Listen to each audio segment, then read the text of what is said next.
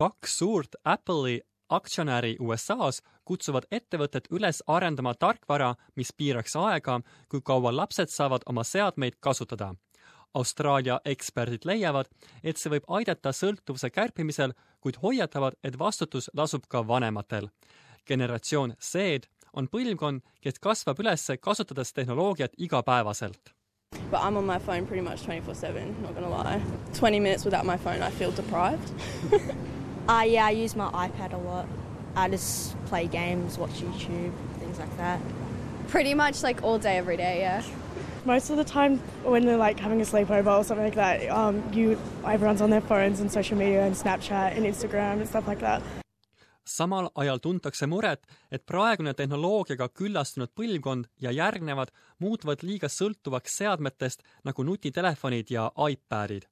Doktor Joanne Orlando on Lääne-Sydney ülikooli laste ja tehnoloogia vahelise suhte uurija.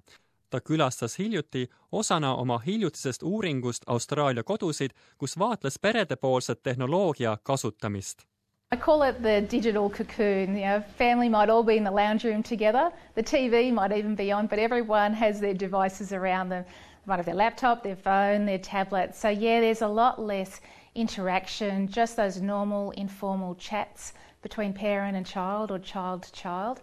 ta leidis, et kodumajapidamiste peamiseks mureks on see, kui palju aega lapsed digitaalsetele seadmetele kulutavad Overwhelmingly, the term we hear most is screen time. It's a concern of parents with children of all ages from the time they are just a few months old through to teenagers always on social media. see probleem on nüüd laienenud neile, kes lõikavad digiseadmete sõltuvusest kasu. Kaks Apple'i suurinvestorit kutsuvad ettevõtet üles välja töötama tarkvara, mis piirab seda aega, kui kaua lapsed saavad oma seadmeid kasutada kuid kas tech-hiiglane võtab soovitust kuulda? doktor Belinda Burnett Swinburne'i ülikooli meedia ja kommunikatsiooni vanemõpetaja arvab, et ei oleks ebatavaline, kui Apple võtab oma aktsionäride üleskutset kuulda.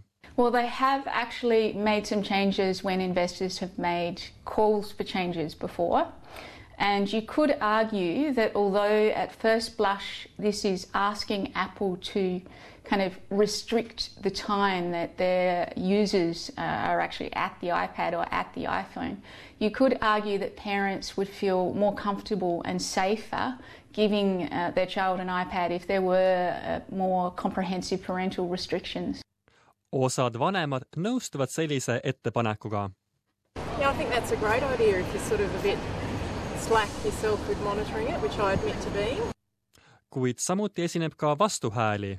My kids are very limited on their screen time, um, but I think setting it as a setting it from the shop, I think it's just I think that's a bit much. Apple pakub juba vanematele erinevaid võimalusi kontrolli rakendamiseks, seda nii äppide allalaadimise kui ka andmekasutuse ja asukoha jagamise teenuste piiramisel. Kuid nüüd kutsutakse ettevõtet üles astuma samme sõltuvusega tegelemiseks. doktor Barnett ütleb, et seda võimalust saaks täita nii-öelda ühekordseks kasutamiseks mõeldud lahendustega This is really a call to change the uh, operating system and the parental existing parental restrictions so that it has more functionality and parents have uh, more control. So if for example a child is reading Harry Potter on uh, on an iPhone, then maybe you could restrict incoming notifications or SMSs to increase their concentration.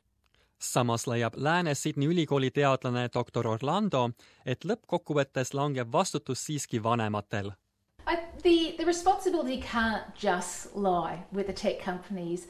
That's just not going to work. They need to be responsible, but so do other important adult groups. For example, parents and the ways they manage screen time at home, the ways they use technology to manage their children's behaviour. Um, that kind of thing needs to be done